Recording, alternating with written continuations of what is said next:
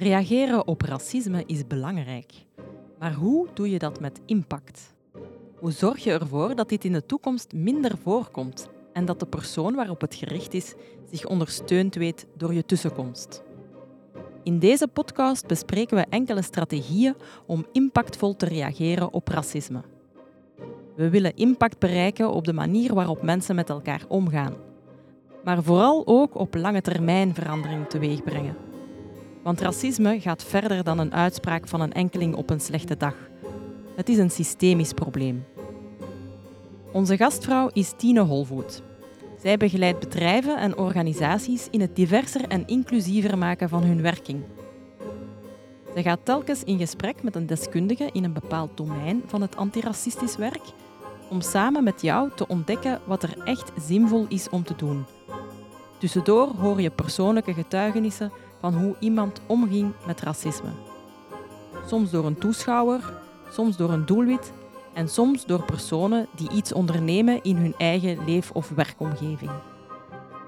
Welkom bij React to Racism. Dag luisteraars. Vandaag ga ik in gesprek met meneer Didier van der Slijken, de coördinator van VZ2 Orbit. Die VZ2 wil een actieve bondgenoot zijn met betrekking tot culturele en levensbeschouwelijke superdiversiteit en migratie.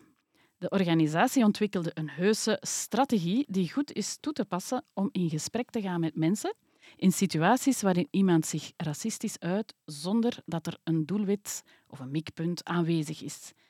Dag meneer Van der Slijken en welkom. Goeiedag. Fijn dat u deze strategie aan ons wil komen toelichten in deze aflevering. Jullie noemen jullie bondgenotenstrategie een strategie om racisme aan te pakken en maatschappelijke verandering na te streven. Hoe gaat dat precies in zijn werk?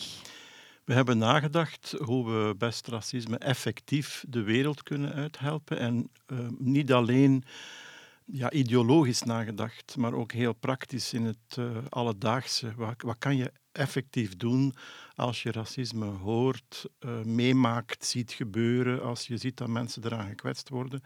Maar tegelijkertijd ook nooit vergeten, want anders is dat maar een half verhaal, dat uh, racisme ook een, een, een structuur is, een systeem is in de samenleving waar je ook structurele aanpak moet doen. Maar in feite is die alledaagse aanpak ook een deel van de structurele aanpak. Ja, leg uit. Wel, omdat ik uh, ondervonden heb, ik ben, ik ben een zestiger, dat uh, wij uh, na de, laten we zeggen, overwinning op de apartheid bij de generatie van toen, een beetje met de idee leefde, zeker bij maatschappelijke assistenten, dat je de indruk had dat het, het racisme voorbij was. Hè. En, en uh, Martin Luther King was er geweest. En we, leefden eigenlijk in een soort van, typisch toch wel voor de jaren 60, 70, tot begin jaren 70, in een soort van waan van de grote verandering is er. Maar ik heb uh, vastgesteld dat het natuurlijk dieper geworteld zat.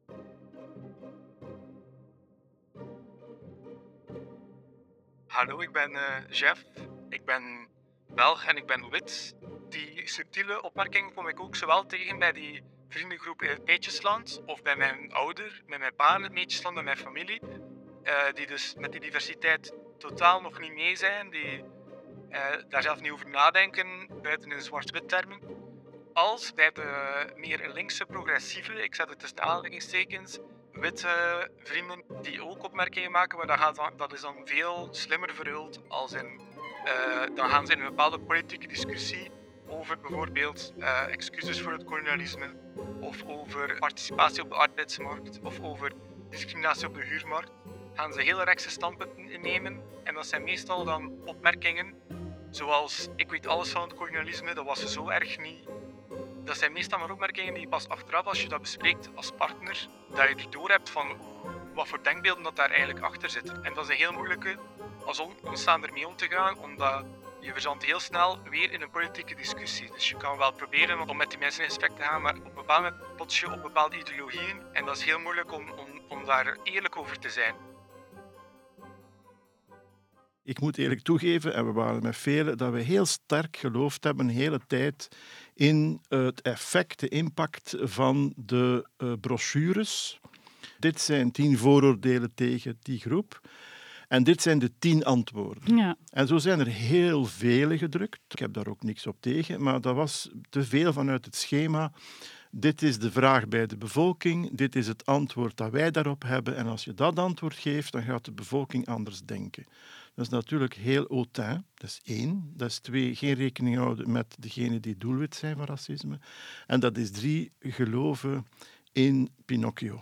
En ik geloofde daar ook in. En dat was dus de tijd van terecht ook hè, betogingen tegen racisme en een heel ideologisch, ideologiserend verhaal ook. Wij hebben gezegd bij de vereniging die nu Orbit heet, we gaan eens kijken op een ander ook, om te zien hoe men dat daar aanpakt, welke analyse daarachter steekt. En de analyse van Lida van den Broek was niet zo onideologisch en was niet zo uh, gepersonaliseerd of gepsychologiseerd. Daar zaten structurele denkpatronen achter.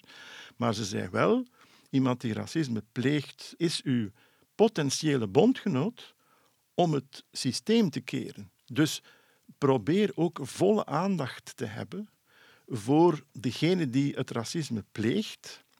Want als die tot inzichten komen, dan heb je een heel, hele groep nieuwe medestanders. En twee, wat ze ons ook zei, dat is het meest moeilijke, krijg zicht op je eigen racisme. Mhm. En wat in jou is gelepeld en wat in jou is binnengeslopen of bewust is binnengebracht, om u mee te nemen in dat machtsongelijk denken.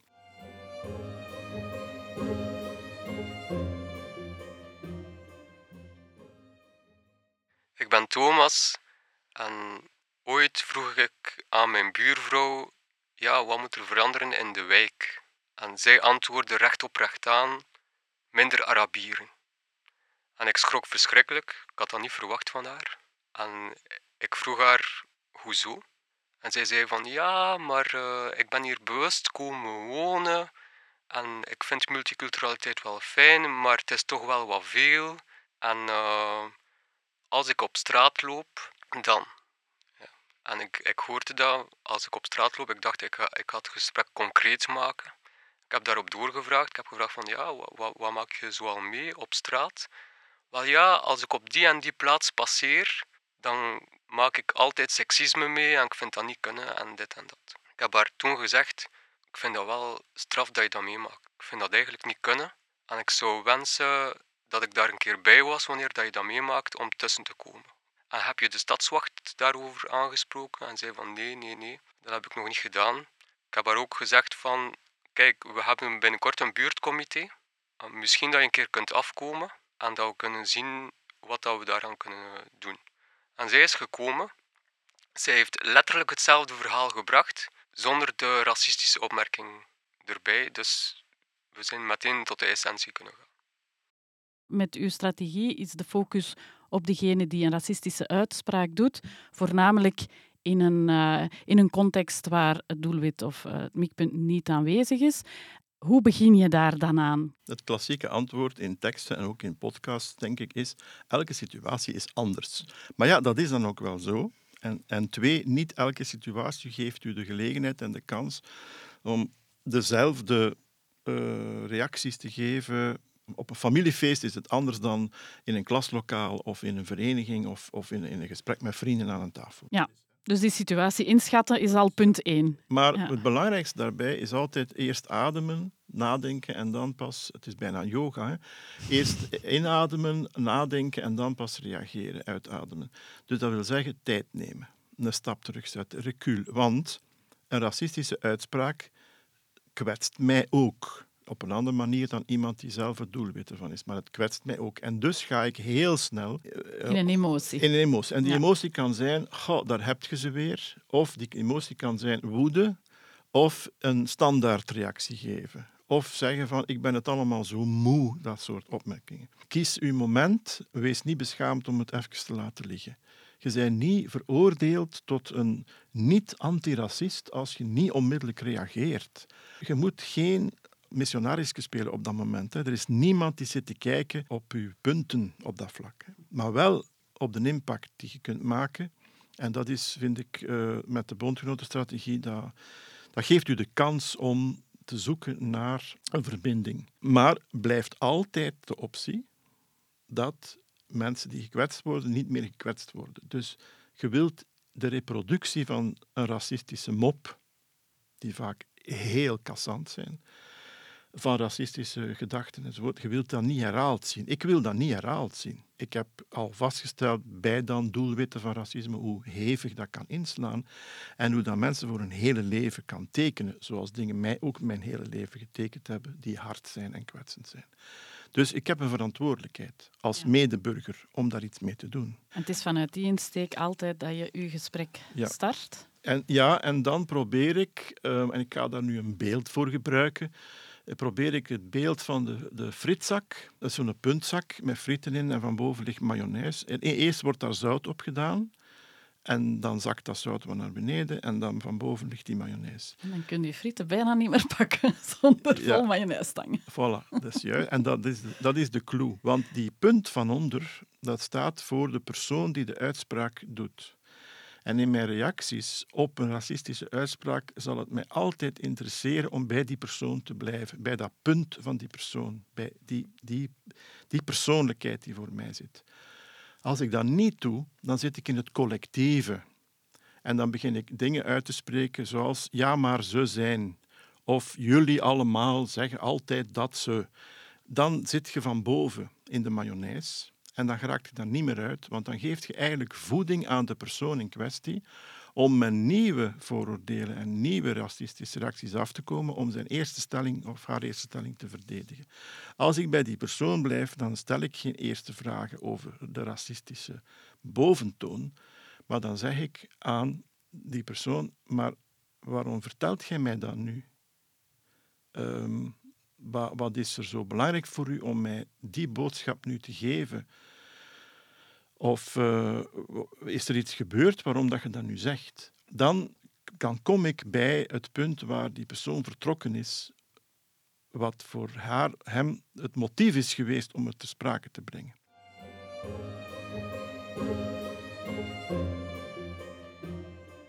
Ik was ooit vorming aan het geven en ik was bij de inleiding over structureel racisme bezig. Wat is dat? Het is een systeem, het heeft met macht te maken, het is witheid als norm enzovoort. En op het einde van mijn uitleg vraag ik aan de deelnemers, zijn er reacties? En er steekt iemand zijn handje op en die zegt van, ja, maar toch, het is altijd weer hetzelfde, we moeten onze tradities aanpassen en met Zwarte Piet en zo. ja. Wat ik toen had kunnen doen, is dat counteren en zeggen van ja, maar Zwarte Piet is racisme en, en daar is geen twijfel over, want onderzoek heeft aangetoond dat. Maar dat heb ik niet gedaan, omdat ik dacht, dat gaat het doen ontsporen. En ik heb meteen gezegd, tradities zijn belangrijk. De samenleving verandert en dat is niet altijd evident. Zo, dat was voor mij een manier om hem te zeggen dat ik zijn boodschap begreep. En ik heb daaraan toegevoegd, tegelijkertijd, ja, doordat de samenleving verandert, zijn er nieuwe groepen aanwezig in de samenleving. En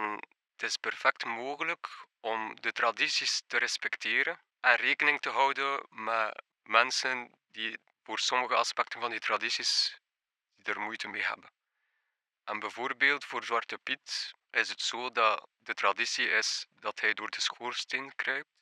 Dus dan kunnen we perfect roetvegen aanbrengen en dan respecteert dat de traditie, dan respecteert dat mensen die anders gepakt worden op hun huidskleur tijdens de Zwarte Piet-periode. En dan combineren we eigenlijk beide. En ik heb gemerkt dat hij meteen tot rust kwam, die man.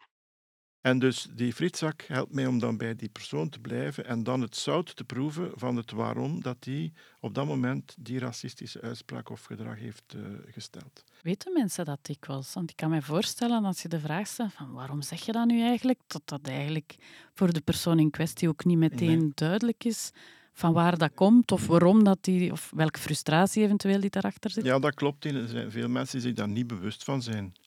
En, en door die vraag zo te stellen, Mhm. de waarom-vraag en wat, wat, wat be- beweegt u om dat nu te zeggen, geeft je al een kans om u daarvan bewust te worden van, ja, wat zeg ik hier nu eigenlijk? En ja, inderdaad, waarom zeg ik dat hier? Kijk, we zitten hier bezig over remediëren, hè, over herstellen. Maar je kunt ook voorkomen. Ik denk dus dat we veel vaker moeten investeren vanuit verenigingsleven en vanuit eh, werkingen allerlei, eh, ook eh, opbouwwerk en, en Avanza en andere instellingen veel meer moeten investeren in preventieve acties. Mhm. Ik ga een voorbeeld geven. We hadden het plan om ergens een nieuwe opvang van niet begeleide buitenlandse jongeren te starten. In een omgeving waar we van dachten, ja, de locatie was oké. dat, dat was een, bijna geschonken gebouw. Dat kon daar beginnen. We hebben ons eerst afgevraagd met het bestuur hoe gaan we deze omgeving op tijd en als eerste informeren over wat hier gaat gebeuren. En we zijn dan met kleine groepjes uh, in alle huizen geweest in de onmiddellijke omgeving van dat centrum. En dat werkt ongelooflijk verbindend, maar ook rustgevend. Want mensen voelen zich gerespecteerd in het feit dat zij buren zijn van iets totaal nieuws dat gaat gebeuren met, ik weet niet meer, 10, 20, 30 jongeren van buitenlandse origine. Als je dat daar zomaar ploft en geen aandacht besteedt aan de omgevingsfactoren, ja, dan, dan veroorzaakt je het conflict zelf. Maar veel mensen die luisteren zijn misschien ook lid van een vereniging, een lokale mhm. vereniging. Zij kunnen samen mee het programma van die vereniging voeden en bepalen. Ik vind het uh, heel normaal dat in gelijk welke stad, gemeente of gehucht in Vlaanderen dat elke vereniging minstens één keer per jaar iets programmeert rond de superdiversiteit. En dat, dat er ook natuurlijk op die plaatsen waar dat mogelijk is, gezocht wordt naar het lidmaatschap maken van mensen in, in hun verscheidenheid. Dat zijn preventieve goede maatregelen. Dat, zijn, dat is normaal burgerschap ontwikkelen. En, en ook bewust zijn van dat uw klassieke kern van uw vereniging niet mee is met een aantal evoluties. En heel snelle evoluties trouwens. Ah, eh, dat is zoals wij nu met, met onze kortfilm samen gelukkig op pad gaan naar een, een, een OKRA-vereniging of een, een andere vereniging met, met mensen op leeftijd. Ja, dan, dan, dan hoort je soms uh, ja, vragen waar je van zegt, dat jij u dat nog moet afvragen. Ja. Ik zeg dan niet beledigend, maar dat ik zeg van, ai, wat hebben wij toch kansen laten liggen om uh, Vlaanderen klaar te maken voor de superdiversiteit. Ik probeerde een gesprek aan te gaan, maar dat is niet makkelijk. Je praat eigenlijk met mensen die ofwel niet bewust zijn van hun vooroordelen, hun racisme, ofwel bezig met mensen te overtuigen dat er wel degelijk een probleem is met taalgebruik en met de maatschappij in zijn geheel. Het is uiteindelijk even te maken met ideologie. En dan andere mensen die willen mij net kwetsen en willen net Camille kwetsen. omdat ik een witte vriendin zou moeten hebben, denk ik dan. Of omdat ze vinden dat het niet zo hoort dat ja, iemand met de huiskeur van Camille of met, met de achtergrond van Camille op dezelfde sociale status staat als hun. Dus die hebben wel heel goed door wat aan het gebeuren is. En die gaan er actief tegen in. En met hun is een gesprek gewoon totaal onmogelijk. Ofwel gebruiken ze alles wat je zegt uiteindelijk tegen jou, ofwel luisteren ze niet naar jou. Nu natuurlijk, ik weet, er zijn mensen die op de schaal van het racistisch gedrag, die helemaal bij de propagandisten zitten van het racisme en die, die zullen om de haverklap voor gelijk wat en om gelijk welk, op gelijk welk moment van de dag racisme spuien, want daar leven ze van. Het is gelijk een alcoholverslaving. Er kan bijna niets anders meer. Heeft dat zin om daarmee in gesprek te gaan? Daar moet je naar, dat is therapie. Dan kan, nee, dan kan ik als medeburger mijn gerusthart zeggen, mijn enige eh, hulp die ik hier kan bieden, of mijn enige reactie kan nu zijn van, ja, wat heb jij toch al die tijd over, over mensen met een andere huidskleur en, en de uitspraken die je daarover doet. Ik hoor u niks anders meer zeggen. Ik denk toch dat je daar eens met iemand moet over praten. Dat lukt natuurlijk nooit onmiddellijk. En ik heb geen illusies. Er zal een deel zijn van die groep die daar geen oren naar heeft en die zich daarin zal blijven specialiseren. En dat zijn ook mensen die dan aansluiten bij extreemrechts racistische groepen, omdat ze daar de, de, de steun vinden om hun, ja, hun verslaving uh, verder te zetten, dat, wat natuurlijk bijzonder jammer is. En daar zijn andere maatregelen voor nodig. Dan kom je in straffen, dan kom je in misdrijven en dan kom je ook in alternatieve sancties, bijvoorbeeld, om, om te recupereren daarvan. Maar dat is niet mijn verantwoordelijkheid. Mijn verantwoordelijkheid is mijn onmiddellijke omgeving. Ik heb toch nog een vraagje waar ik wat mee blijf zitten. Je strategie is, uh, is uh, ideaal in een situatie waarbij je iemand een beetje kent of toch een bepaalde verbindende communicatie mee kan starten. En die een uitspraak heeft gedaan in een context waar geen doelwit aanwezig is.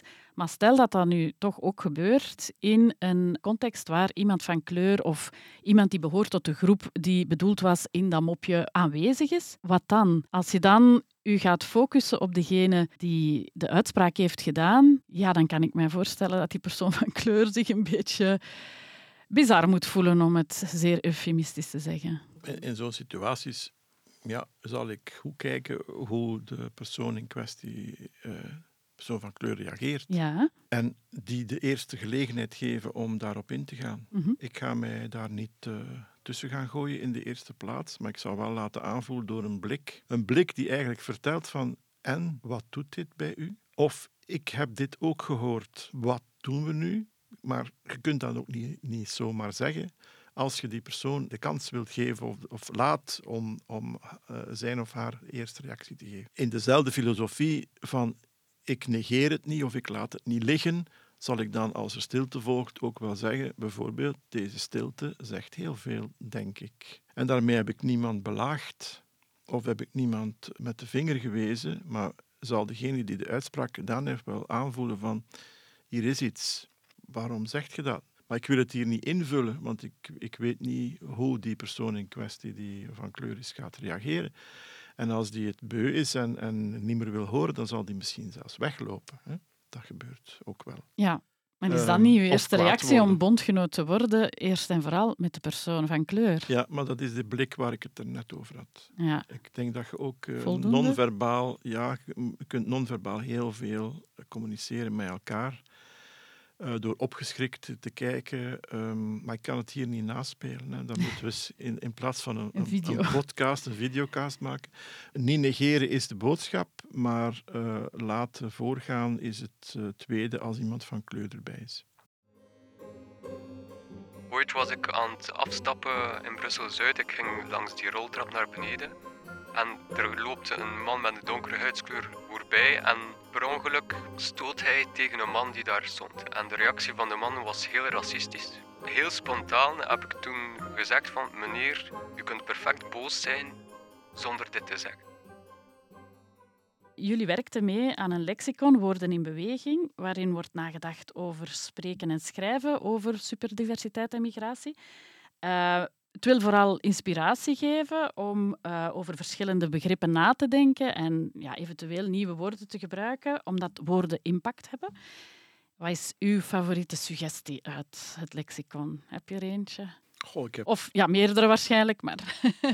Wel, de titel is voor mij het meest interessant van deze brochure, Woorden in beweging. Aha. Waarom? Omdat het vertolkt dat we geen lexicon wilden als een hamer op de kop slaan van, van de samenleving, van personen, van burgers. Van, van, en dat moet je nu gaan gebruiken. Maar dat we wilden aanduiden dat het heel normaal is dat woorden in beweging zijn. En ehm, ik heb het ooit eens meegemaakt op een trainingssessie in Sint-Niklaas, denk ik. Was er een dame van 85 jaar die ook een opmerking maakte van ja, dat woord en woord dat we niet meer gebruiken, dat is toch niet allemaal niet, niet, allemaal zo erg dat we dat gebruiken. Ik zeg ja, mevrouw, maar allee, zou jij graag hebben dat ik tegen u spreek zoals ik geleerd heb in Gent vroeger, dat ze over een vrouw praten, over een wijf? Zeg, ook dat woord is, is, is weg aan het gaan. We spreken over mevrouw, meneer. We spreken over een vrouw, we spreken over een dame, ik weet niet wat. Maar we zeggen toch niet meer een wijf. Ah ja, zegt ze, nu snap ik het. Ja, kijk. Ja, af en toe het omdraaien kan geen kwaad, heb ik ook al gemerkt. Eh, ja. Ah, u bent van eh, Nigeria, u eet waarschijnlijk heel graag pikant. Ah ja, dan, ah ja, maar u bent van België, u eet waarschijnlijk graag boterhammetjes met kaas. Ja, dat, dat is ook al niet meer waar natuurlijk.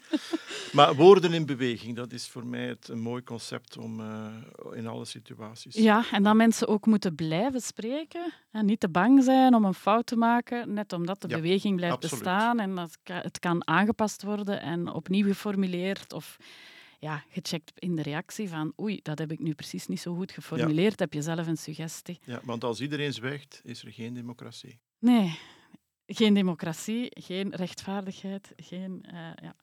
ja, dat lexicon is onlangs uitgebracht. eh, en waar kunnen mensen dat vinden als ze geïnteresseerd zijn om even te kijken en inspiratie op te doen? Wel, als je bij een zoekmachine Orbit en woorden in beweging intikt, dan kom je op een pagina waar je het ook kan downloaden, gratis. En je kan het ook bestellen in gedrukte vorm, wat eigenlijk heel handig is om aantekeningen in te maken uh, in de webshop van Orbit. Oké. Goed, we hebben weer heel wat bijgeleerd. Dankjewel Didier voor deze uiteenzetting. En nu is het aan de luisteraar om met de elementen aan de slag te gaan en die eruit te pikken die goed bij haar, hem of hen passen. Succes allemaal en dankjewel. Ja, tot ziens. Dit was React to Racism, een podcast van Avanza Oost-Brabant, Orbit VZW en Winda Kitoko in een productie van Alles Podcast. Deze podcast werd ook mogelijk gemaakt dankzij de steun van de federale staatssecretaris voor gelijke kansen. Wil je meer weten over hoe je kan reageren met impact? Luister dan zeker naar de vier andere afleveringen. Je vindt ze samen met nog veel meer informatie op de website reacttoracism.be. Bedankt om te luisteren en heel graag tot een volgende keer.